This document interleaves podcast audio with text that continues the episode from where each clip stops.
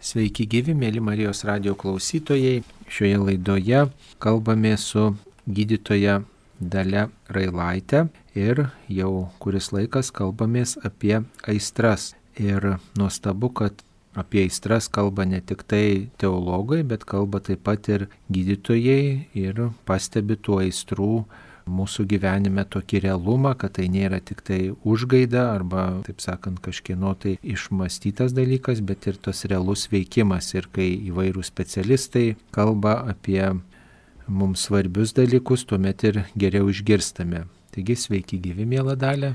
Sveiki gyvi, mėly Maldijos radio klausytojai. Šį kartą esame suplanavę kalbėtis apie rūstumą apie rūstumą arba kitaip galbūt vadinama šita aistra tokiu pykčiu, pykčio aistra. Kodėl ta rūstumo aistra yra mūsų gyvenime tokia pavojinga. Kartais žmonės supyksta ir, ir sako, štai va, supykau ir čia didelė nuodėmė ir ar visada ta tokia aistra atneša žalą mūsų gyvenime. Kaip pristatytume, kas yra rūstumas? Na, pirmiausia, turbūt reikėtų vėlgi remiantis mūsų dikumų tėvais, kurie buvo geriausieji ir pirmieji psichologai, jų išvalgomis, remiantis teologų mintimis, reikėtų pasakyti, kad pyktis tai yra pati nuožmiausia aistra. Ir už jo stovi pats nuožmiausias demonas Jeigu, sakykime, už paleistuvystės aistros stovėjo labai stiprus, piktasis, tai čia yra labai nuožmus piktasis. Ir tai jau iš karto pasako, kad pyktis arba rūstumas turi didelę jėgą. Turi didelę jėgą. Jeigu mes pažiūrėtumėm į tos pykčio apibūdinimus, tai sako, pyktis verda arba ar na pyktis liepsnoja tai ta didelė jėga yra ir realiai, jeigu atsižvelgiam į tai, apie ką mes kalbam, kad tai yra aistra, kad tai yra nuodėmė, tai šita didelė jėga ir naikina su labai didelė jėga. Ir šitoj situacijoje mums iš tiesų, vėlgi kaip ir bandėme kitais kartais, reikia truputėlį pažiūrėti tą pykčio prigimti. Na, dabar mes galime tiesiog rasti tokių daug labai mokslo įrodymų, kurie kalba, kad pyktis tai yra susijęs su genais. Na, iš tie genai manyje yra atrastas pykčio genas. Ir jeigu jau aš tą pykčio geną turiu, tai aš esu piktas. Ir iš šitos pozicijos netgi dar gerokai anksčiau išėjo labai daug tokių įdomių nuostatų. Jeigu, sakykime, seniau piktis tai buvo nuodėmė, aistra, dabar jinai patapo emocija emocija. Kada pradėjo psichologija vystytis, iš tiesų buvo atsisakyta tų savokų tokių, kad tai yra aistra, sakykime, lyga sielos ar ne, nuodėmė, o patapo emocija. Emocija yra kažkas tokio labai biocheminio, tokios, vad, manyje kažkokios medžiagos ten cirkuliuoja kraujyje, sukelia man tas emocijas, o dar kada mes suprantam, kad tai yra genas, kuris iš tiesų lemia tas cirkuliuojančias medžiagas, tai tarsi atrodo taip viskas labai natūralu ir tada tada tie patarimai, kaip ten elgti su pykčiu, su rūstumu, irgi išeina iš šitos pozicijos. Iš tiesų, žinoma, kad pyktis turi ryšį su mūsų charakteriu, tai yra nebejotina.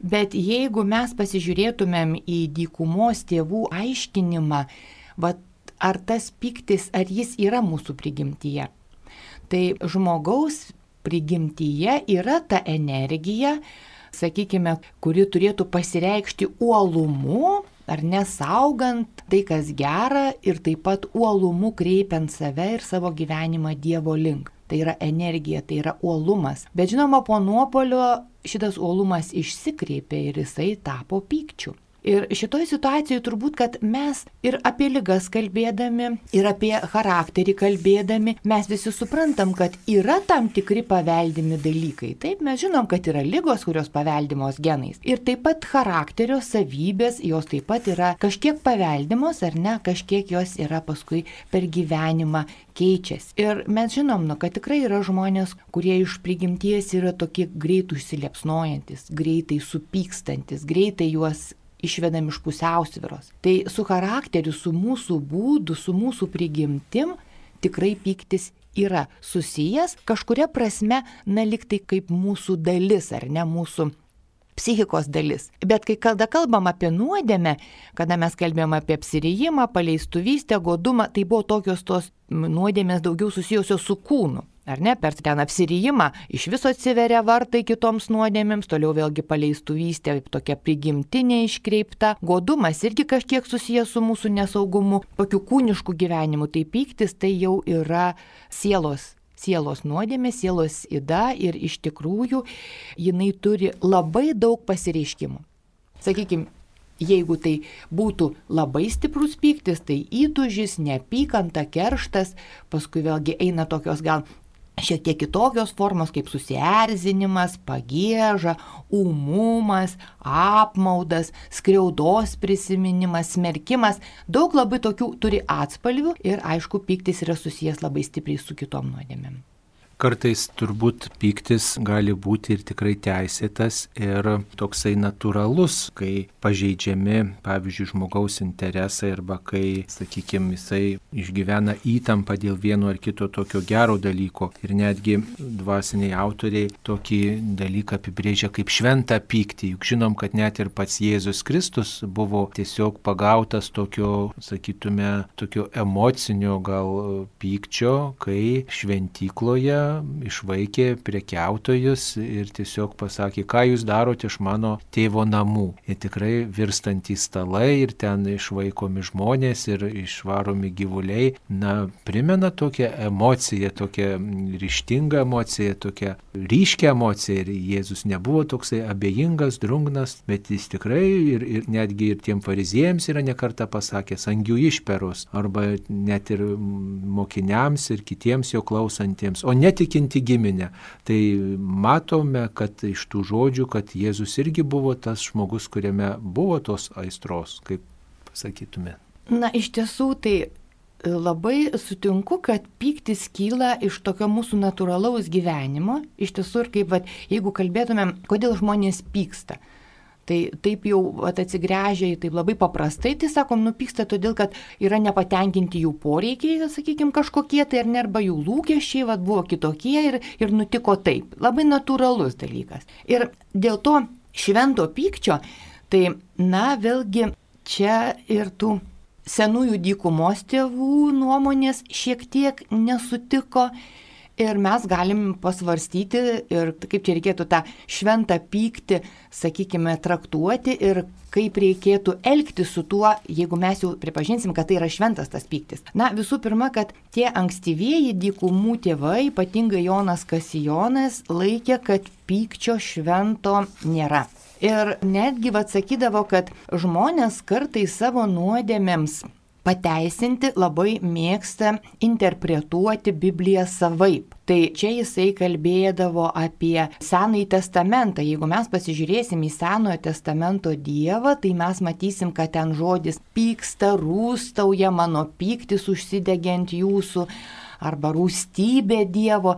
Tikrai buvo labai, labai dažnas žodis ir tokia dažna prašyta aistra, bet čia jisai perspėja, kad mes turėtumėm vienas dalykas suprasti, kad Dievas tai ne žmogus ir mes negalim per savo žmogiškos aistros supratimą suprasti ir Dievo, bet šitas jam priteiktas emocijas. Tai yra toks to Senojo testamento, nes kartai žmonės sako, koks piktas buvo Senojo testamento Dievas. Iš tiesų tai mes neturėtumėm tų savo suvokiamų, kaip mes suprantam, kas yra piktis, mes neturėtumėm taip suprasti ir Dievo pykčio, nes reikia visada pažiūrėti, o iš ko tas Dievo pyktis kilo ir kur jisai vedė. Ar ne? Dabar, jeigu kalbant apie Jėzų, tai aš vat labai, kada galvoju apie šitą mūsų pokalbį, net kelis kartus perskaičiau visas vietas, kur nors kažkiek yra užsimenama apie rūstumą, Jėzaus rūstumą. Tai radau kaip Jėzus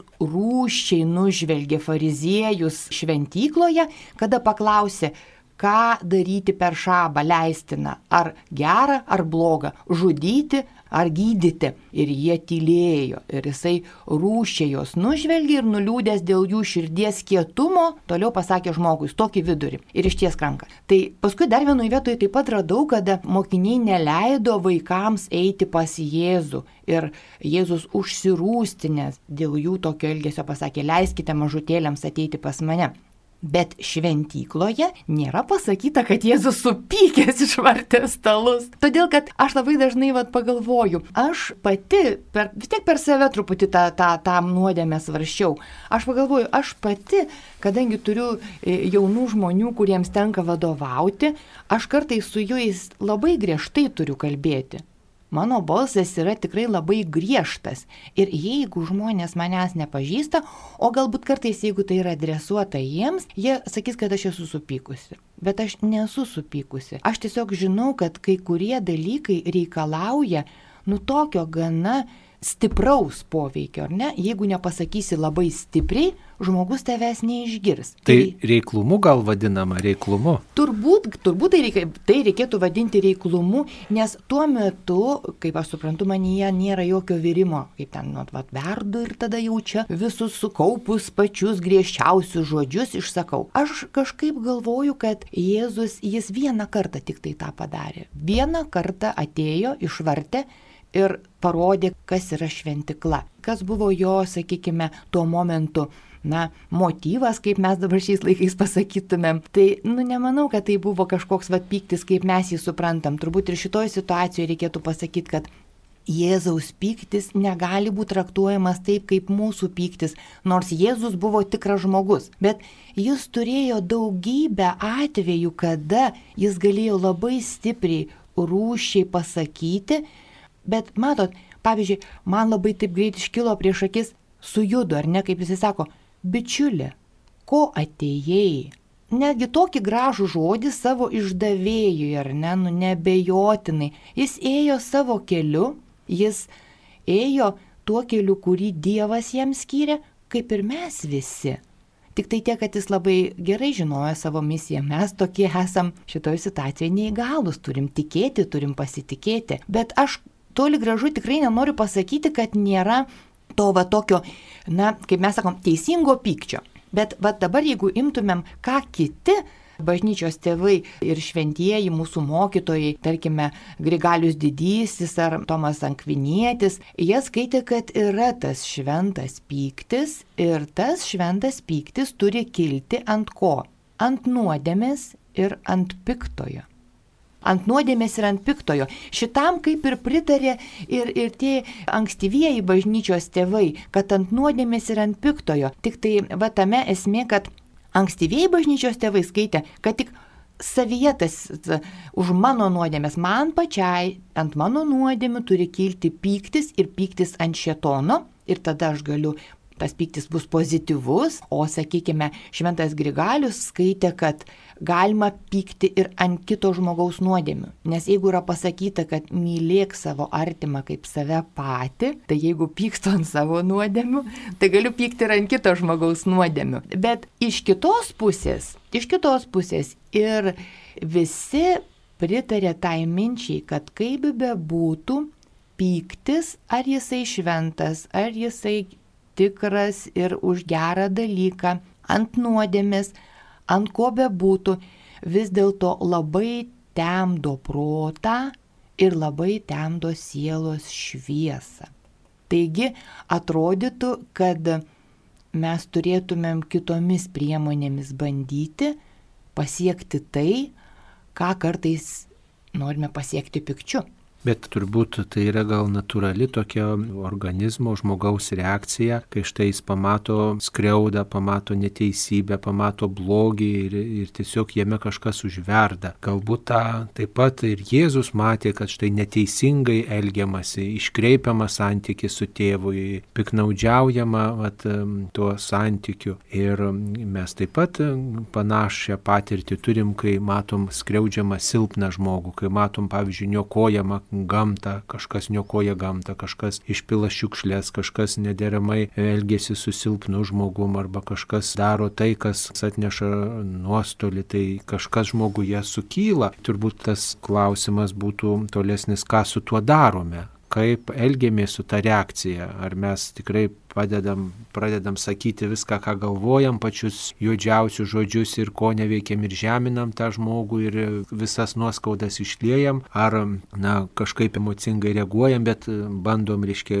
kuo labiau protui palengti šią savo aistrą ir, ir ramybę išsaugoti ir paskui dar vėliau ar bandom keršyti tam žmogui ir, ir niekinti jį. Turbūt daug pavojingesnės yra tos vėlesnės reakcijos, kai jos pasiduoda rūstumui, negu kad ta spontaniška kažkokia reakcija, ką žmogus tikrai, na, pasako, išsprūsta jam arba kažkaip sužaižaruoja. Ypatingai, kai nori užtarti tą silpnesnį, kai dėl gėrio žalos, taip sakant, reaguoja žmogus ir kai jis tiesiog vat, prieš nuodėmę pasisako. Turbūt tai klausimas būtų toks, ar tikrai mes galim išlikti tokie ramus, kai matom blogį, turbūt ne.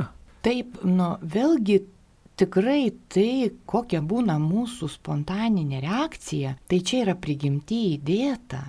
Ir aišku, labai priklauso nuo to, kokia ta žmogaus prigimtis, kaip jau sakiau, susisieta su charakteriu vienas dalykas, antras dalykas, kokia yra jo pasaulyje žiūra, ar ne, kaip jisai žiūri į gyvenimą, koks jisai yra. Ir aišku, kad mes esam nuodėmingi žmonės, nargi mes galim išvengti nuodėmės. Mes negalim. Tai turbūt ta spontaninė reakcija yra ir vėliau, kaip mes ją vertinam, tai yra labai svarbu, kokius jinai mums duoda vaisius. Nes, sakykime, vėlgi, ar visada mano spontaninis pyktis, kuris sukyla, gali atnešti gėri tam, ant ko aš supikau, ant to reiškinio, ar ne? Ar jis tikrai visada gali atnešti gėri. Kitas dalykas, kokį gėrį jisai, jis kartais gali man atnešti blogį, nes natūralu, kad mes turime ir saugotis kai kurių dalykų, kai kurių agresijų, ar ne, sakykime, aš supikau, kad pavyzdžiui liūtas drasko ten žvėrelį. Nu tai kas bus, jeigu aš savo pyktį tam liūtui išreikščiau? Nu čia aišku labai primityviai aiškinu, ar ne? Bet iš tiesų tikrai labai priklauso nuo to, o kas įvyksta po to. Ir ta spontaninė reakcija, ypatingai matant neteisybę, matant skriaudą, ypač kai yra skriaudžiami silpnesni, Be kita ko, tai irgi beveik visada yra susiję su pykčiu, tik kitos pusės, ar ne? Nes kada vyksta skriauda kažkam, tai tai dažniausiai taip pat yra pykčio išdava. Ir iš tiesų žmonės tą pyktį savo išreiškia labai labai įvairiai. Žinot, vieni žmonės pykti išpila lauk iš karto ir gali išpilti jį ir ant daiktų, gali išpilti jį ant gyvūnų, taip gali išpilti jį ant vaikų, ant šeimos, ant sutuoktinių, ant bet ko gali išpilti, ar ne? O kiti žmonės neišpila pykčio, jie tokie gal, sakykime, bando ir būti dorybingi, ar supranta, kad pyktis blogai, tai nebūtinai turi susiję būti su nuodėmė supratimu ir prieimimu, bet tiesiog su emocijos. Ir jie tą pyktį viduje virina, verda jis ten, cirkuliuoja. Ir tada jisai vis tiek kažkurio tai momentu atliks savo naikinantį vaidmenį. Arba jis išsiverš, kaip sako, puodas, žinot, jeigu virs ar tipilnis, tai dangti nu, numes, arba jisai tiesiog naikins patį žmogų jį naikins. Bet kaip reikalinga yra elgtis su pykčiu, tai labai labai priklauso iš kokios pozicijos mes prie to pykčio prieiname. Jeigu mes eisime iš tos psichologinės šio laikinio požiūrio, sakykime, pusės, tai vienai bus. Jeigu mes eisime iš, sakykime, bažnyčios tėvų, kurie pykti laikė aistrą nuodėme, tada truputėlį kitaip bus, kitoks bus požiūris. Ir šitoj situacijoje man atrodo, kad dar kas būtų labai svarbu, kad mes visada, jeigu jau ką, turėtumėm suprasti, kokios yra pykčio priežastys. Nes tai, apie ką mes kalbam, Pyktis dėl skriaudos, pyktis dėl, dėl kažkokios tai neteisybės, pyktis dėl matomos daromos žalos. Tai yra mažoji dalis pykčio. Kaip bebūtų, tai yra mažoji dalis pykčio, ar ne? O pyktis kyla dažniausiai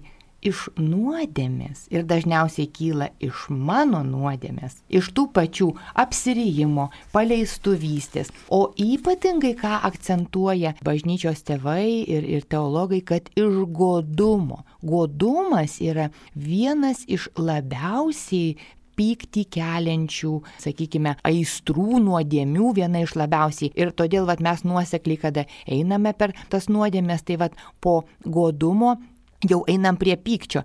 Ir, žinot, kažkaip tai, va tai ir yra, kad žmogus labai supyksta, jeigu kas nors pasikėsina į jo turtą. Tai dabar liktų tik tai pasižiūrėti, kas yra mano turtas ir tada mes suprasim, kad tai yra pati dažniausia pykčio priežastis. Jeigu mano turtas pirmiausia yra mano daiktai, aišku, tas, kuris juos gadina, tas, kuris juos atima. Toliau, jeigu mano turtas yra netgi mano sveikata. Didžiausias turtas, turbūt čia reikėtų pasakyti, nes taip, tai yra turtas, ar ne, bet didžiausias turtas yra mano sveikata, mano šeima, mano draugai, mano darbas, mano karjera, mano požiūris, mano nuomonė, netgi mano tikėjimas. Tai visais atvejais kažkas, kuris kėsinasi įvairiais būdais į tą mano turtą, tai iš tiesų sukels man pykti. Bet mes kalbėdami apie godumą, iš tiesų kalbėjome apie tai, kad didžiausias žmogaus turtas yra būti Dievo vaiku. Iš tiesų didžiausias žmogaus turtas tai yra būti tuo, kuo Dievas sukūrė mus. Ir kaip Jėzus sakė, ten, kur tavo turtas, ten ir tavo širdis. Jeigu mūsų turtas iš tiesų vat yra tie išvardinti dalykai, mūsų širdis labai stipriai prie jų prisirišusi, tai bet kokią mažiausią agresiją iš tiesų tikrai sukels mums pykti. Ir tai labai priklausys nuo mūsų charakterio ir nuo, nuo mūsų to emocinio žmogaus, ar ne koks jisai mumise yra. Ir žinot, kad ir, sakykime, nu, tokia mintis, bet net ir tikintieji, kodėl kartais yra be galo nepatrauklus šitame sekuliariame pasaulyje, kodėl jie tokie nepatrauklus, kad mes kartais gindami savo tikėjimą pykčiu, nu, tokiom neteisingom reakcijom, kartais atstumdami žmogų, kuris netiki ir galbūt kitokią turi poziciją gyvenime, mes parodom, kad mes nu, negyvenam pagal tą Dievo žodį, pagal tą Evangeliją ir iš tiesų sukeliam irgi tokių pykčių grandinę. Ir už tai yra labai mums svarbu turbūt šitoje situacijoje nutarti, kas mums yra vertingiau. Ar turėti, ar ne, ir ginti savo turtą, ar būti, ta tokia amžinoji žmogaus problema. Nes net, vat, kaip ir atsimenu, iš Evangelijos, kaip Jėzus sakė, kaip grįžo paštalai laimingi, kad demonus išvarinėja, kad lygas gydo. Ir Jėzus sakė, kad džiaukitės ne dėl to, kad jums demonai paklūsto, dėl to, kad jūsų vardai įrašyti danguje. Mūsų didžiausias džiaugsmas ir didžiausias turtas kyla iš to, kad mes esame Dievo vaikai, kad Dievas mus myli. Ir aišku, tai yra mūsų stiprybė, mūsų didžiausia jėga tai, kad mes pažįstame Dievo meilę. Ir todėl va ta situacija, kad mes turėtumėm, kada jau atpažįstam, kad turime pykti, turėtumėm atpažinti, dėl ko jisai kyla. Jeigu jisai kyla kažkiek iš mūsų turėjimų, iš mūsų godumo, tai sekantis žingsnis būtų iš tikrųjų galvoti, o kaipgi mes turim su tuo pykčiu gyventi. Bet e, kartais galbūt atrodo taip, kad štai aš tikiu, aš branginu tas vertybės, pasirenku krikščionišką tikėjimą, o kitas žmogus štai, nu, jisai elgesi tarsi eitų per švarų kambarį su parvinais batais ir tiesiog skaudu man, kad jis niekina tai, kas man be galo brangu, jautru, kas yra mano gyvenime centre, nebūtinai tai tokie materialūs dalykai, taip, kai, kai mano širdis prisirišus prie pinigų, prie turto, prie mašinos sutinku, kad, reiškia, man bus skaudu, kai kažkas bjauroja mano brangų automobilį ir ten kėsinasi į mano santaupas ar į mano vertingą kilimą. Bet štai jeigu man brangus santykis su Dievu ir matau, kaip kitas žmogus nesiskaito, kaip kitas žmogus elgesi lengvabūdiškai, kaip kitas žmogus e, smerkia, kaip niekina mane Dievą, tai nežinau, ar tas ramybės toks išsaugojimas, abejingumas čia būtų tinkama laikysena. Gal kaip tik rodo, kad žmogus negina savo tikėjimo, neusidega tokia energija, entuzijazmo apginti. Taip aš sutinku. Taip aš sutinku, kad pyktis tikrai gali kilti. Bet šitoj situacijoje mes kiekvienas, kada gyvenam ir išgyvenam tokias situacijas, nes galima kalbėti labai abstrakčiai, galima labai konkrečiai visą tą pasižiūrėti. Kada mes išgyvenam tokias situacijas, kaip antai, kad kažkas niekina mano tikėjimą, niekina mane kaip tikinti žmogų, taip, tai aš supykstu ir pradedu tą savo pyktį kažkaip tai reikšti, ginti savo tikėjimą, ginti save, tai paskui mes galim pasižiūrėti, o kokiagi iš to yra nauda. Kokia iš to yra nauda? Ar mums pavyko atversti, priversti gerbti mūsų tikėjimą, kažkaip tai priversti gerbti save, žmogų, jeigu mes net veide turime išreikštą pyktį. Kas tada tas žmogus iš mūsų tik pasijuoks dar labiau. Čia rezultatas bus priešingas. Jeigu mes turime tiek, sakykime, na, net nežinau, turbūt, kad piktas žmogus negali turėti tiek jėgos, kad jisai galėtų su pikčiu kažkaip pakeisti kito žmogaus nuostatą. Mes tikrai su pikčiu nie vienos nuostatos nepakeisim, nie vieno tikėjimo neapginsim, neapginsim netgi žmogaus, į kurį nukreiptas pyktis. Jeigu mes neturėsim tam tikros ramybės, Ir labai dažnai, be kita ko, turbūt mes turim visi tokių pavyzdžių, kai ramybė nugali įsisiautėjusi žmogų. Aišku, čia yra visada labai konkretūs atvejai, konkretūs reiškiniai, bet be pykčio galima nuveikti daugiau negu su pykčiu. Ir tas romumo, Jėzus sakė, aš esu romus ir nuolankios širdies. Vis tiek tai turėtų būti mūsų siekinys, kalbant apie pyktį. Nes man kas labai yra, kažkaip mąstant apie šitą nuodėmę, man kas labai taip įstrigo, kaip yra vadinamas šetonas. Piktoji dvasia. Piktasis, piktoji dvasia. Taip jo, taip sakyt, kaip ir vizitinė kortelė ar ne? Netgi nereikia ten sakyti, kad tai yra paleistuvystės ar dar, jau čia paskui, taip sakant, pavardė, o vardas - piktoji dvasia. Vadinasi, pyktis yra šietono, yra demonų vizitinė kortelė ir vaizdas. Ir jeigu tai bus mūsų, net ir kovojant už labai gerus dalykus, mes pralaimėsime. Nes man labai patiko bažnyčios tėvų, va irgi tokia mintis, kad pyktis mumyse sukelia tą tokį nu, susijaudinimą, ar ne? Susijaudinimą mes mūsų kraujo temperatūra pakyla, vadinkime taip. Ir kada mes turime reikalą su kova prieš šetono darbą, kur mes skaitom yra teisingas mūsų tas pyktis. Tai jie siūlo prisiminti, kad su šetonu mums kovoti yra praktiškai neįmanoma. Jis yra gudresnė už mus dvasia ir dažniausiai pasinaudojęs mūsų pykčiu, jis mus nuves kur nors visai kitų takeliu. Ir, žinot, čia tikrai tokie dalykai turbūt yra teisingi, nes iš pykčio Mes dažnai sakom, bet žmogui, sakom, va, supyk ir padaryk. Taip, didžiulė jėga. Tikrai žmogus supykęs gali pakelt tai, ko nepakėlė, peršokti per kliūtį, per kurią neperšoko. Taip yra. Bet ar tikrai tik tai pyktis gali būti ta stiprioji jėga, ta tikroji jėga? Čia reikia visiems pasvarstyti ir, ir manau, kad vis dėlto jeigu mes ieškosim atsakymo šventame rašte, tai mes vargiai ar rasim tikrai tokį patvirtinimą. Nes Jėzus sako, kiekvienas, kuris pyksta ant savo brolio, ar ne, iš tiesų susilauks teismo. Taip. Nu ir paskui ten vėlgi, kaip sako, pusgalvi ir beproti. Tai realiai, nu, nekalbam apie tai, čia teisingai pyksta, gerai pyksta. Jeigu tu pyksti, tai vis tiek pykčio galų gale tas galutinis rezultatas, nu net jeigu aš už labai gerą dalyką kovoju, mano vidus susijaukia.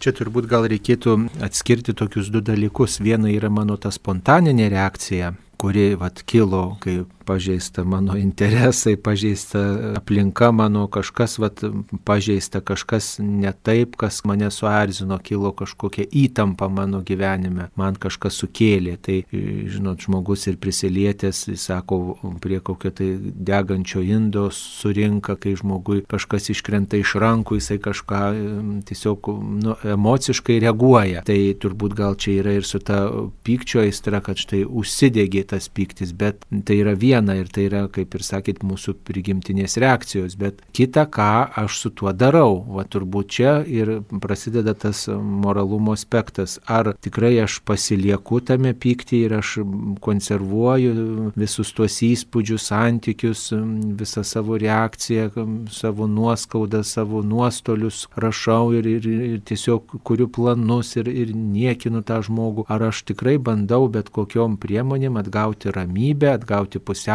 na, mylėti, nepaliauti, mylėti to žmogaus, atsiriboti nuo to, nuo to įvykio, bandau skaidyti, vat, kai tenka lydėti žmonės dvasinios pokalbios, tai patariu tiesiog tą pyktį skaidyti, bandyti, reiškia, įvertinti, čia yra nuostolis, bet čia yra žmogus, čia, čia esu aš ir tiesiog, va, kai dalimis tą naštą padalinu, tai tada lengviau yra priimti tokį sprendimą ir tada mano protas labiau veikia, mano vertybės turi kur įsiterpti. Tai aš būčiau linkęs atskirti tokius du dalykus. Viena yra spontaniška reakcija, o kita yra, ką aš po to darau. Tai dėl to kartais net ir patarė, štai įvykus kažkokiam įvykiui, kuris vat, iššaukė mano pyktį, mano rustumą, mano tokį ugningą reakciją, laimėti kuo daugiau laiko, giliai kvepuoti, išeiti pasivaikščioti, atsipūsti, žodžiu, kad žmogus savotiškai atstumą jausdamas galėtų, na, protui, ne emocija veiktų, neveiktų, ne, ne kažkoks įvykis,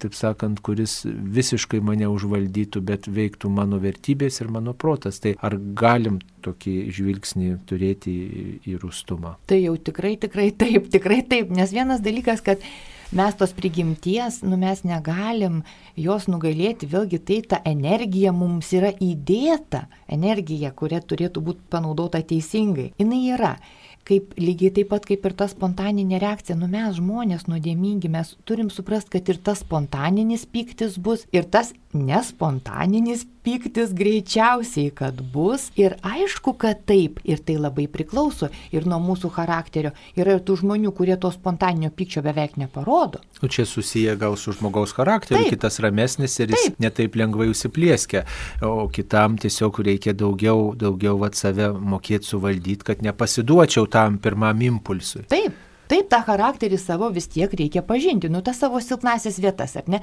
Ir sakykime, jeigu kartais reacikiais įvykusi ta spontaninė reakcija, nu nei man žalos padarys, nei kitam žalos padarys. Tai žmonės, kurie nuolat taip spontaniškai reaguoja, nu jie iš tikrųjų pradeda kamuotis patys nuo to, jeigu jie yra protingi, ar ne? Jeigu mane tuoj pat suerzina, ten kompiuteris neveikia taip, kaip ir aš trenkiu ten su juo arba pradedu baladuoti klavišus, arba dar kažkas tokio. Arba, arba keiktis pradeda, keiktis, pūstis. Spūstis, pavyzdžiui, kelyje, kaip dabar, kad labai dažnai baisybė agresijos sukelia tokie paprasčiausi, paprasčiausi dalykai. Tai, nu kam nuo to blogiau? Ten tie žmonės, kurie sėdi kituose automobiliuose, ten ką, ką ten jiems blogai, nu jie tik savo pyktį tenais virškina. Bet tai, kad aš čia putoju visai, ten keikiuosi, kas iš to?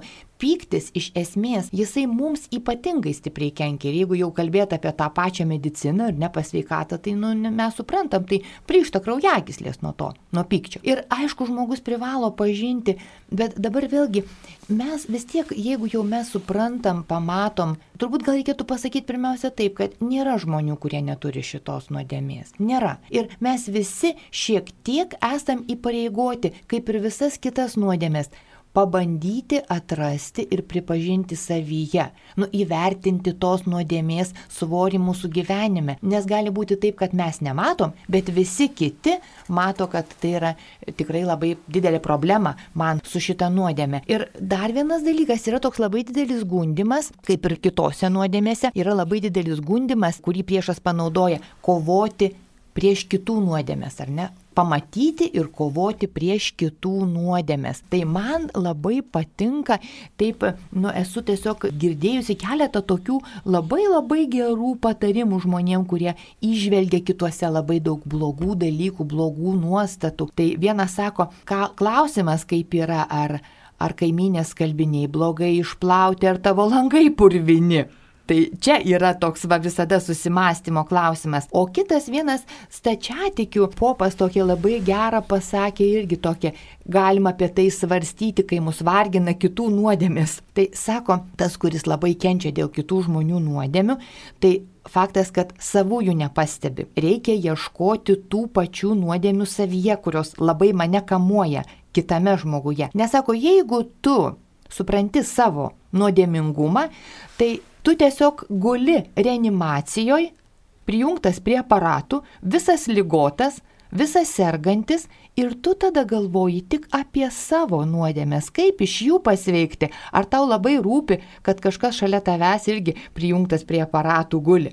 Tiesiog kiek mes pamatom savyje šitų dalykų, tiek mums iš tikrųjų labiau šviečiasi ta sveikata, tas, sakykime, na, išsivadavimas. Nes vis tiek, apie kokią nuodėmę bekalbėtumėm, yra du dalykai - yra žmogaus pastangos ir yra Dievo malonė. Ir jeigu kalbėtumėm apie pyktį, tai visada visi bažnyčios tėvai, teologai pateikia tą mintį, kad yra priešnodis, yra tos kitos savybės, kurios reikia žmogui ugdytis, kad jisai galėtų deramai su pykčiu tvarkytis. Ir tai yra, pyktis, ko gero, turbūt yra sunkiausiai įveikiama aistra, nes jin turi labai labai daug pavydalų ir, vat, matot, liečiasi prie tokių labai šventų mums svarbių dalykų, liečiasi prie mūsų charakterio, prie mūsų savitumo, to mūsų grožio, spalvingumo kaip kiekvieno žmogaus. Bet vienas iš labiausiai svarbių dalykų, kada mes atpažįstame pyktį ir pasiryštame su juo kažkaip tai susigrumti, tai yra kantrybė. Kantrybė. Ta darybė, kurios dažniausiai neturi ūmų žmonės. Žmonės, kurie greit susierzina. Ir negalima, kaip sako, pykčio nei išlieti, va čia skirtingai nuo psichologų, kurie siūlo ten pagalbės daužyti ir visokius kitokius dalykus daryti, bet negalima jo ir užgneušti. Tai tada Išlietas, klausimas, ką daryti? Ką daryti? Tai vad taip ir yra. Ką daryti? Tai čia yra tas darbas su savim, ugdant dorybės ugdant dorybės. Ir labai yra daug tų tokių gražių patarimų, netgi va toj situacijai, kai mane umai kažkas suerzino ir tai yra beveik ir teisėta, ar ne, bet aš nenoriu pasireikšti pikčiu, nenoriu pikčiu atsakyti į kažkokią tai, kad, kad yra agresija. Taip, yra žmogus gali kvepuoti, Bet žmogus gali ir melstis, jeigu jis tik gali, jeigu jis tik prisimena, nes kartais ta spontaninė reakcija, nu, mums užblokuoja atminti, ką mes turim daryti. Reiškia, jeigu žmogus tik prisimena, Jis gali melstis trumpą maldą viešpatie Jėzau Kristau, pasigailėk manęs arba Dieve gelbėk. Galų gale siūloma, irgi tai ir bažnyčios tėvų, labai labai yra siūloma prisiminti tai, kas yra gera, tai, kas yra šviesu, nu kažkaip bandyti nešti į savo galvą tuo momentu tą Dievo meilę. Ir jau labai labai praktiškai kalbant, tokios, kur, kur tokie praktiniai dalykai, iš tiesų bandyti suprasti ar nesuprasti, bandyti tą žmogų, net jeigu jisai mums atrodo pasielgia labai nederamai. Mes nežinom, kas tuo momentu jo gyvenime vyksta. Gal žuvo jo artimas žmogus, gal kažkas ypatingai kitokie atsitiktiniai dalykai yra, kada kada piktis užsidega, nu mums atrodo dėl kažkokio nederamo elgesio. Ir va tose visose situacijose, ten, kaip sako, kamščiuose, spūstyse, bandykim teisinti to, žmonės, negalvokim blogiausiai apie juos, negalvokim, kad juos patys blogiausi ketinimai veda. Ir mums bus lengviau mums bus lengviau. Bet tai, kad mes turim išlėto ugdytis tas darybės, per maldą ir per Dievo pagalbos prašymą. Nes mūsų pastangos tai yra viena, o kita, jeigu nebus Dievo pagalbos, jeigu mes neprašysim, kad Dievas mums padėtų susidoroti su šitą aistrą, mūsų pastangos, ko gero, ne tai, kad gal nebus bus bevertės, jos turės. Jeigu žmogus net ir netikintis su savo įda kovoja, jisai pasiekia tam tikrų rezultatų. Bet šitoje situacijoje tos sielos ramybės, to romumo vadinamo mes ko gero turbūt, kad nepasieksim, nes mes turim sąmoningai jo prašyti. Romumo, nuolankumo, ar ne? Labai skaito gerai yra dorybę ugdyti dosnumo, kadangi tai yra susijęs su godumu, reiškia, dosnumo dorybė labai padeda įveikti pykti. Ir manau, kad visa tai, ką, kai va, jeigu mes apgalvojam, tai viskas tikrai yra taip. Yra labai konkrečių patarimų. Jeigu mes imsim, sakykime, knygose, kurios rašo apie nuodėmes, mes tikrai rasim ten labai, labai konkrečių patarimų. Čia galima kalbėti be galo turbūt kartais galbūt ir pagalvoti kažką ne į temą irgi padeda tą rūstumo aistrą truputį sutramdyti, bet pirmiausia turbūt reiktų ją atpažinti, kad štai supikau, užsidegė kažkas manį, kad tikrai vat, aš dabar esu nesavy, kaip sakoma, liepsnoja kažkas manį. Ir tas įvardinimas, net ir turbūt psichologų nuomonė, specialistų nuomonė yra jau sėkmės pradžia, kad aš neklai pasiduodu, bet aš jau save stebiu, kas su manim vyksta. Ir tada jau galiu priimti priimti tam tikrus sprendimus, ką aš su tuo darau. Turbūt taip pat vienas iš tokių dvasinių patarimų būtų tai melstis ne tik už save, bet ir už tą žmogų, kad jį žvelgti kaip į Dievo vaiką. Jis irgi yra Dievo vaikas, Dievo sukurtas, viešpats už jį numirė, kitas žmogus yra unikalus. Net ir tas vairuotojas, kuris štai vairuoja į žūlį ir bando užlysti prieš mane arba štai signalina ar ten na, dar kažkaip mane suerzino ar, ar kitas žmogus, kuris štai šalia manęs Dievas, tai jis irgi yra tas, kuris vertas meilės ir kuris mylėtinas ir jame yra taip pat Dievo vaikas. Žiūrėti jį kaip į brolį, ne kaip į konkurentą, ne kaip į tą, kuris man atneša tik blogį, bet į, į, kaip į Dievo siūstą. Aišku, taip pat kartais padeda toks sveikas humoras pasišaipyti iš tos situacijos, iš savo reakcijos, tai tas truputį atšaldo tą beausidegančią aistrą, pavadinti save mažybiniu vardu truputėlį taip ir pažiūrėti į save iš šalies. Ir, ir tada galbūt tam protui atšalus, tuomet ir vertybė pradeda labiau mūsų gyvenime vadovauti. Tuomet galima ir samoningiau rinktis ir maldą už save, kviesti viešpatį tą situaciją, prašytos ramybės, kantrybės, paguodos, tam, kad, na, nepasilikčiau tame pyktyje. Turbūt pavojingiausias dalykas, mėly klausytojai, tai pasilikti rūstume ir kurti keršto planus, tai mes tada visiškai žudom meilę ir visiškai pasiduodam rūstumui ir sutinkat. Tikrai, tikrai sutinku prie kiekvieno žodžio dedu savo pritarimą ir iš tiesų labai, labai gera dar ir prisiminti ir tai, kad mes kovojame ne su žmogumi, ne su kūnu ir krauju, kaip pasakė šventas apaštalas Paulius savo laiškė feziečiams, bet su blogiu dangaus aukštybėse, ar ne? Ir šitoj situacijoje nenukreipkim savo to pykčio į žmogų, o bandykim, kaip jūs labai labai pritariu, pamatyti jį kaip Dievo vaiką ir melskėmės už jį, melžiantis už kitą žmogų mes tikrai kartais galime už jo sėkmę dėkoti Dievui už jį, ar ne, kartais taip sunku, bet, nu, rasti tų jėgų, dėkoti Dievui Ir tai yra išeitis iš skausmo, nepykantos, iš pykčio, susipriešinimo. Tikrai taip. Taigi ačiū, mėla dalė, kad jūs štai renkatės tokią temą, kalbate apie rūstumą, kuris kėsinasi visų mūsų gyvenimą ir kuris sujaukia mūsų protą, užtemdo vertybės ir kviečia tik tai pasiduoti emocijom. Tai kviečiam visus išsaugoti širdies ramybę, nepasiduoti kerštui, priešiškumui, kai pažeidžiami mūsų interesai. Ačiū, mėlai dalį ir Railaitė, gydytojai, ją kalbino aš, kunigas Saulis Bužauskas. Sudė. Sudė.